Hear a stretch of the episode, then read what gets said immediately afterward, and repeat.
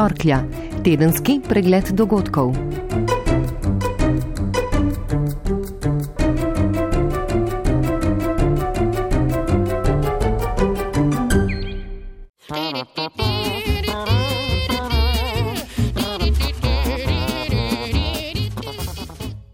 Čuden občutek to zapiranje meja, mejna kontrola, avtomatske puške.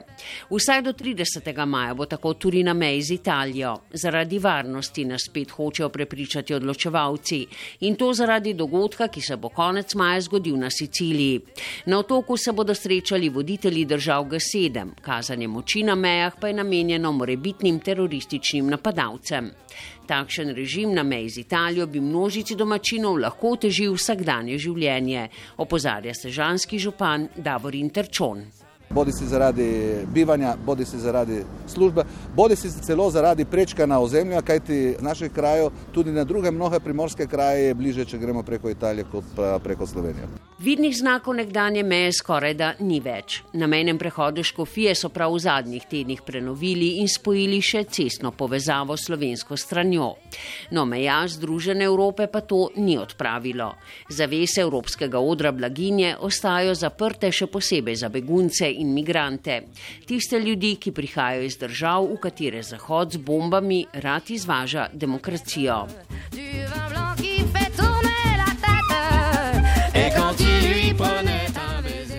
Dan Evrope 9. maj je ob 60-letnici rimske pogodbe pustil grenak priokus. Pred vrati je Brexit, neoliberalne politike Bruslja pa ne dajo pravih rešitev za politično krizo Unije in tudi ne za socialno krizo evropejcev.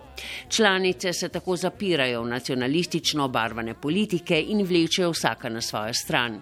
Po mnenju nekdanjega vodje slovenske diplomacije Dimitrija Rupla je ena od težav pomankanje dobrih, sposobnih voditeljev tako v Bruslju kot v članicah.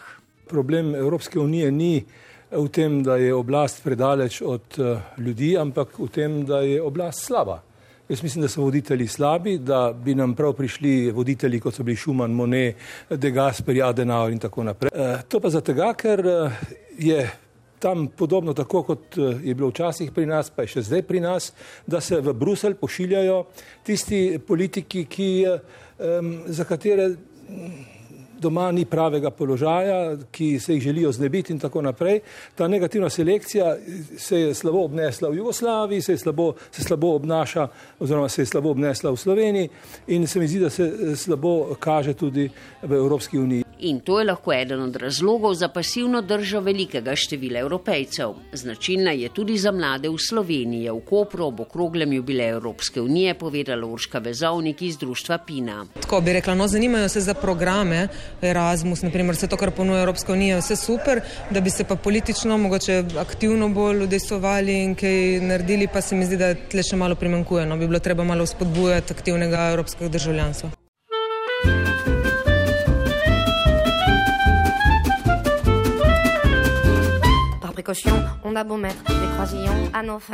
Kaj je aktivno državljanstvo, so pokazali francozi na predsedniških volitvah. Skrajni nacionalistični populistki Lepenovi so rekli ne. S prepričljivo večino so izvolili proevropskega sredinskega in komaj 39-letnega Emanuela Macrona. Evropski voditelji so si odahnili pa bo Macron lahko uresničil pozitivne spremembe v francoski in posledično evropski družbi. Filozof Edvard Kovač je prepričan, da to moč vsekakor ima. Macron je gotovo kompleksna osebnost. Ga moramo sprejeti takšnega, kot je, če uporabim izraz Klotlevi Štrosa, nima samo domačajno sistemsko finančno misel, ima tudi divjo misel, se pravi umetnik. On je pravi čudežni deček, igra Mozarta, bil je asistent filozofa Polerikarja, on razmišlja, on ima inicijativo, njegov duh žubori, se pravi, da bo znotraj tega sistema dajal pobude ali inicijative, da se bo vendar nekaj spremenilo. Kako bo v praksi uveljavljal vizijo etične politike, ki jo najprej zanima kakovo življenja državljanov, bo odvisno od podpore, ki jo bo dobil v parlamentu.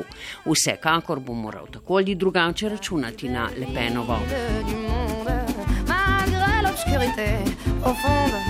Son éclat de peut-être à son rire. No, Evropa se je 9. maja poklonila tudi dnevu zmage nad nacifašizmom v drugi svetovni vojni. V Moskvi so na tradicionalni paradi svetu spet pokazali svojo vojaško moč. V Ljubljani so na tradicionalnem pohodu v Žici konec prejšnjega tedna živim obročom obdali prestolnico. Na Sabotinu so na predvečer zmage spet gorile bakle. Po besedah predsednika Boruta Pahorja v Topolžici je več kot 70 let po vojni čas za spravo, pa tudi, da odpustimo določene stvari. Vendar zgodovinskega revizionizma, ki je že nekaj časa na pohodu v Sloveniji, ni mogoče odpuščati, še posebej ne, ko se trudi zanikati celo holokaust. V javnosti še vedno odmevajo izjave iz odaje televizije Nova 24 TV konec aprila v kateri so holokaust predstavili kot židovsko zaroto. Direktor Judovskega kulturnega centra Robert Waltel napoveduje kazensko ovadbo zaradi sovražnega govora. Čakamo na ustrezne ukrepe pristojnih. It's a lot. It's a lot. It's a lot. It's a lot. It's a lot. It's a lot. Like life. V Nemčiji sta kanclerka Merklova in ministrica za obrambo napovedali nično toleranco do desnega ekstremizma, ki se, kot kaže razkritje neonacistične celice, razrašča tudi med pripadniki nemške vojske. Zaskrbljujoče je, da pristojni niso ukrepali, kljub temu, da so za obstoj celice vedeli. Slovensko vojsko pestijo posem drugačne težave. Uvrstimo jih lahko v rubriko pošteno plačilo za upravljeno delo. Vojaki sicer ne smejo stavkati, a so protest prejšnji teden izrazili drugače. Zaradi bolniških odsotnosti namreč ni bilo mogoče preveriti usposobljenosti enote namenjene na mednarodno misijo v Latvijo. Glavni razlog za nezadovoljstvo vojske je nepremišljeno vladno vrčevanje. Darko Milenkovič, sindikat Ministrstva za obrambo. Če gre, gre za pač, skupino uh, vojakov, vojakov, vojakin, ki so se pa od, odločili, ali so dejansko zboleli, ali so se pa samo odločili, da na ta način uh, prisilijo naše vodstvo, da jim jasno, jasno povejo, kako bojo plačani. Problem je nastal, ker smo imeli in mi, in pripadniki informacijo, da bi se znalo zgoditi, da bojo plačani, kot da grejo na uh, nekakšno mednarodno vajo, kjer bi pa za ta čas mesečno dobivali mogoče 1500 evrov Eh, bruto. Odprava povzročene škode slovenski vojski bo trajala več let in bo dražja od privrčevanega, še opozarjajo v sindikatu. Glavni problem ostaja večletna nezadostna ocena pripravljenosti. In to pove vse, povdarjajo, le politika tega ne vidi ali noče videti.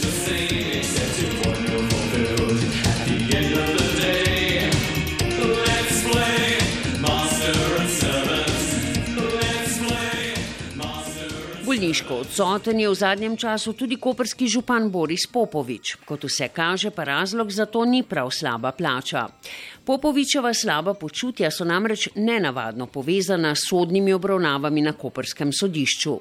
Tako je denimo že po več do zdajšnjih odpadel tudi zadnji narok za nadaljevanje sojenja v zadevi kopališče. Popovič se je upravičil, da je na bolnišničnem zdravljenju v Srbiji. Je tu na delu bolezen ali morda zavlačevanje pred zastaranjem primerov? S tem se zdaj ukvarjajo koperski kriminalisti, župana pa bo, tako sodišče, pregledalo tudi več specialistov z različnih področji. Ob vsem pa ljudje z anonimnimi prijavami sodišče obveščajo, kje vse je koperski župan dejaven prav v času, ko naj bi bil, kot se upravičuje, na zdravljenju. Novogoriški župan Mater Čon pa je moral po izredni seji mestnega sveta zavračati očitke o sumu korupcije. Razlog je bilo imenovanje županovega svetovalca za naložbe Vladimirja Peruničiča za direktorja Goriškega muzeja. Del svetnikov je protestno zapustil sejo. Luka Manojlovič iz Goriške Pikasi je pojasnil. Zaradi tega, ker je to tipičen primer političnega kadrovanja, ker se je ta teren pripravljal več kot eno leto in ker enostavno v tem cirkusu ne želimo sodelovati in ne bomo sodelovali.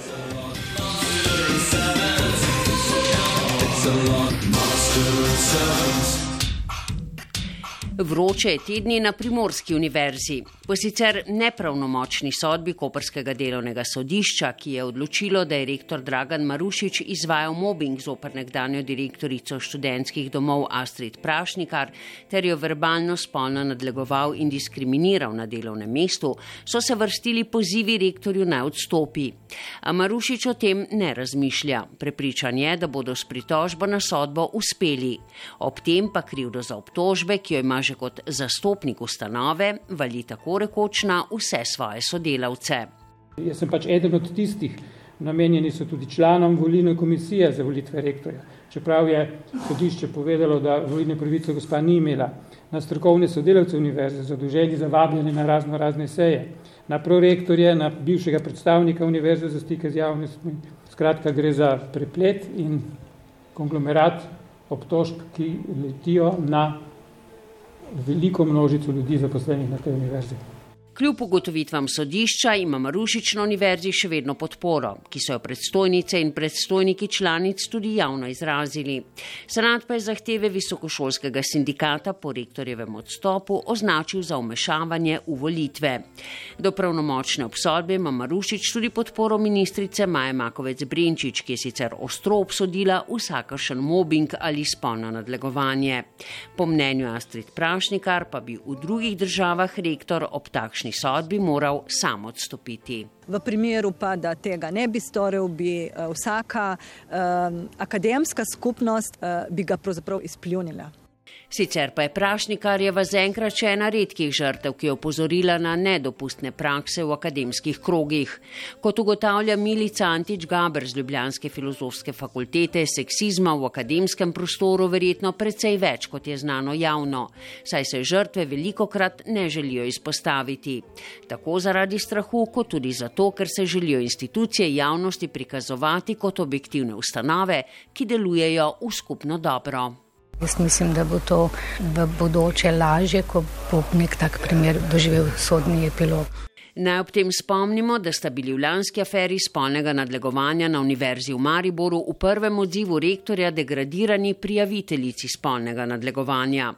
Kljub temu se nista ustavili. Prav pogumne posameznice pa so tiste, ki bodo zdajšnjo strpnost do seksističnih ravnanj tudi v akademskih krogih pomaknile proti ničelni toleranci.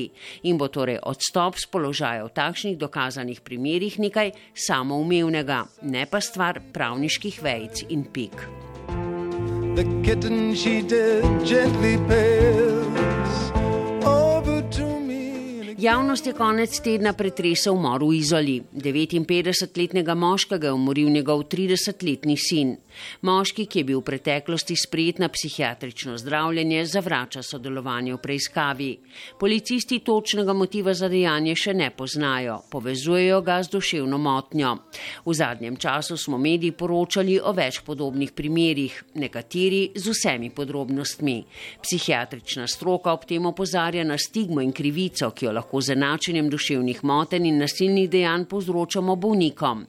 Kaj je lahko razlog za tako agresivne odzive, pa je strokovni vodja Idrijske psihiatrične bolnišnice Marko Pišljar za naš radijski program med drugim povedal. Ja, v sodobni družbi se zagotovo soočamo z večjo tekmovalnostjo, tudi z agresivnim odzivanjem, eh, z večjimi stiskami, predvsem v skupini ljudi, ki so na robu družbe. Eh, verjetno je pa tudi vzorec agresivnega odreagiranja, ki smo ga priča v aktualni družbi, pomemben od skrajnežev eh, v terorističnih dejanjih do različnih drugih agresivnosti, pobojev in, in tako dalje.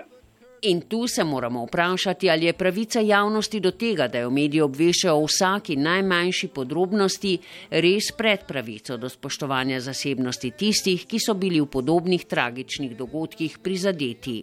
Menim, da je odgovor lahko samo eden. Zagotovo ne. As I sat sadly